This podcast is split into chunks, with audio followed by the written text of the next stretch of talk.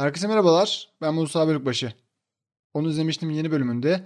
Recep İvedik'in 7. filmini konuşacağız. Recep İvedik normalde bizim çok da radarımızda olmayan bir film. Ee, çok da önemli değil aslında. Ee, belli başlı serilerin belli başlı noktaları aslında biraz e, dikkat çeker. Onun haricinde çok da dikkat alınacak bir film değil. Ee, onun için aslında e, konuşmayı düşünmüyordum. 7 çok biraz daha eski serilere göre farklı bir iş olmuş. Bunda şunun payı var. Ee, Şahan Gökbakar biliyorsunuz geçtiğimiz yıl orman yangınlarında büyük bir misyon üstlenerek yangınların en önünde olan ve bunu dikkat çekmeye çalışan bir isimdi. Ee, Instagram'da yaptığı canlı yayınlar milyonlarca insan tarafından izleniyordu. Ee, güzel bir misyon elde etmişti. Ve bundan sonra da sosyal sorumluluk e, adı altında biraz da kendisi bir aktivist gibi davranmaya başladı. Onun için de aslında Recep İvedik 7'yi de bunun üzerine kurmuş durumda. Yani Recep e, Şahan Gökbar'ın dünya görüşünden oldukça etkilenmiş ve böyle bir rotaya girmiş. Bunun için de çok fazla gündemden beslenen, çok fazla politik, kültürel e, göndermeler olan bir film. Recep İvedik 7 şöyle başlıyor. İvedik'in evine bir elektrik faturası geliyor ve yüksek meblağlı bir fatura bu.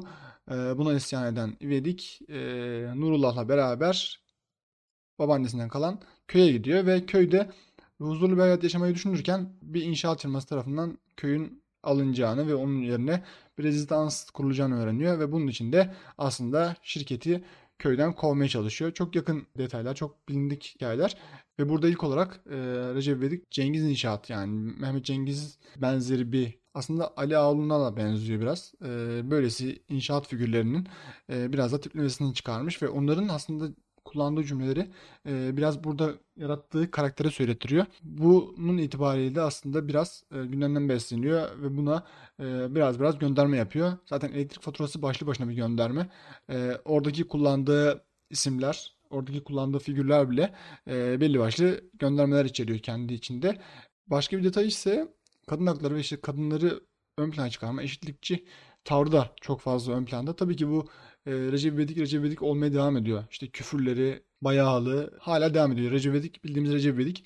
Ama dediğim gibi girişte de söylemiştim. Biraz daha karakter olgunlaşmış. E, biraz daha durulmuş. Kadınlara konusunda biraz daha ılımlı, biraz daha eşitlikçi ve onları biraz daha anlamaya çalışıyor. O kaba tavrını biraz daha törpülemiş gibi duruyor. Bu kadın detayı bence bayağı önemli. Sonrasında ise seçimler konusu gündeme geliyor. Bir muhtarla münakaşasından sonrasında 2019 seçimlerini hatırlatıyor. 2019'da yapılan İstanbul seçimlerini hatırlatıyor.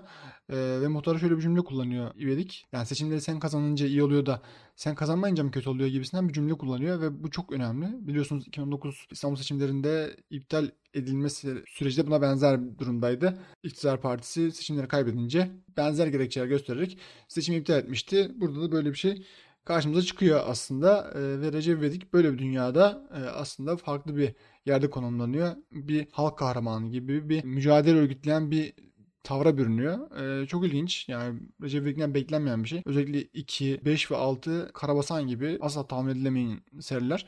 Ama burada e, Şahan Gökbakar'ın son bir yılda yaptığı işleri biraz buraya yansıtmış. Zaten çok e, muhalif olduğunu biraz e, kendisi belli ediyordu. Ama burada şöyle bir şey belirtmek gerekiyor. Her ne kadar Şahan Gökbakar muhalif gibi dursa da en azından son yıllarda bunlara dikkat çekse de 2019'un ilk aylarında çıkan sinema yasası ve bizim sansür yasası olarak bildiğimiz yasaya destek verdiğinde unutmayalım. Cumhurbaşkanının sarayında bu imzacılardan biri olmuştu Şahan Gökbakar ve ilginçtir, çok ironik. E, sinema salonlarında biletlerden 3-5 lira daha para kazanmak için yapmıştı bunu Gökbakar. İşte Cem Yılmaz, e, Yılmaz Erdoğan gibi isimler pek çok e, sinemanın bu ana akım isimleri sarayda bu sansür yasasını imza atmıştı. Geldiğimiz noktada muhalif olmaları, biraz daha ses çıkarmaları tabii ki güzel bir şey ama bunları da hatırlatmak gerekiyor. Salt muhalif demek, salt böyle doğruyu savunan demek bunlara biraz yanlış olur diye düşünüyorum. Bunları da hatırlatmak lazım. Tabii ki e, şimdiki düşünceleri değişmiştir. Belki de tırnak içinde doğruyu şimdi görmüşlerdir. Bilemem. Ama sadece e, 3-5 lira daha bilet satacağız ve bu biletlerden biraz daha para kazanacağız diye böyle sansür destek vermek gerekir miydi bilmiyorum. Kaldı ki bu sinema salonlarında bilet kesmek için verilmiş bu destek. Ee, şimdi baktığımızda Recep İvedik 7 vizyona da girmedi. Disney Plus'ta yayınlandı. Yani değdi mi? Yani geldiğimiz noktada 2 yıl 3 yıl sonra e, bilet parası falan filan da konuşulmadı. Dijital platforma geçtin. Yasa işte bağımsız sinemacıları biraz daha böyle dijital platform şansı olmayan, vizyondan başka şansı olmayan insanları zora soktu. Yani değer miydi buna? Değmezdi. Recep İvedik 7 her ne kadar e, şu an günümüzden beslense de günümüzdeki yapılan olaylardan, yaşanan olaylardan beslense de Oraya kadar çok su aktı. Yani sarı öküzü verdiler bir kere. Şu an Yılmaz Erdoğan da, Şahan Gökbakar da diğer o saraya giden imza atan insanlar da baya baya dijital platformlara iş yapıyorlar. Ee, sinemadan da ellerini çektiler. Yani değer miydi? Demezdi. Geldiğimiz noktada bunları gördük. Ee, şimdi ilerleyen günlerde diğer ana akım sinema yapımcıları da bunu yapacaklardır bilmiyorum. Ama e, toparlayacak olursak Recep İvedik 7, e, Şahan Gökbakar'ın son bir yılda da yaptığı e, politik çıkışları biraz daha toplumun sesi olma e, umudu konusunda e, iyi bir örnek. Yani çok fazla yükselmek gerekiyor. Dediğim gibi Recep İvedik yine Recep İvedik yani skeç mantığında ilerleyen, kas seçimi hatalı, tek karakter üzerinden ilerleyen, oyuncu yönetimi kötü, dünya kurumu kötü. Çok parlak bir kere. Yani Tokan Gökbakar niye böyle bir şey tercih etti bilmiyorum. Belki de platforma sattıkları için. E, hatırlarsınız Recep İvedik'in ilk 3 Hatta 4 seriye kadar çok biraz daha karanlıktı. Özellikle ilk 3 seri çok karanlıktı. Geldiğimiz noktada çok parlak, aşırı parlak. Yani bir reality show izler gibi e, ışıklar var. E, bir yaz da çekilmiş zaten. Yaz atmosferini yansıtıyor. Belki de biraz kasıtlı olarak yapmışlardır. Bu kadar parlaklık gerekli miydi? Ben bundan emin değilim. Dediğim gibi Recep İvedik yine Recep İvedik olmaya devam ediyor. Burada da filmi övmeyeceğim.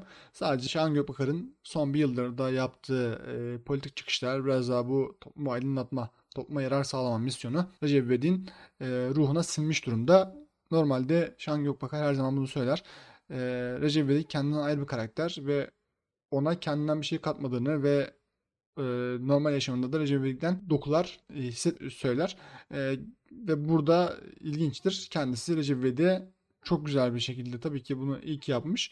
E, nüanslar barındırmış. Nüanslar atfetmiş. Bu yüzden belki de biraz konuşulabilir. Yani bu Mehmet Cengiz e, ve Ali Ağaoğlu tiplemeleri işte kadınlara verdiği önemler, seçmen ve seçim olaylarını biraz daha gündeme getirmesi güzel detaylar. Ben bunları beğendim. Son bir saati çok zor izlemesi. Son bir saati dayanılacak gibi değil. E, biraz hızlandırarak, biraz ileri alarak izledim ben. Ama izleyenler e, sadece bu detaylar için belki bakabilirler, belki şans verebilirler.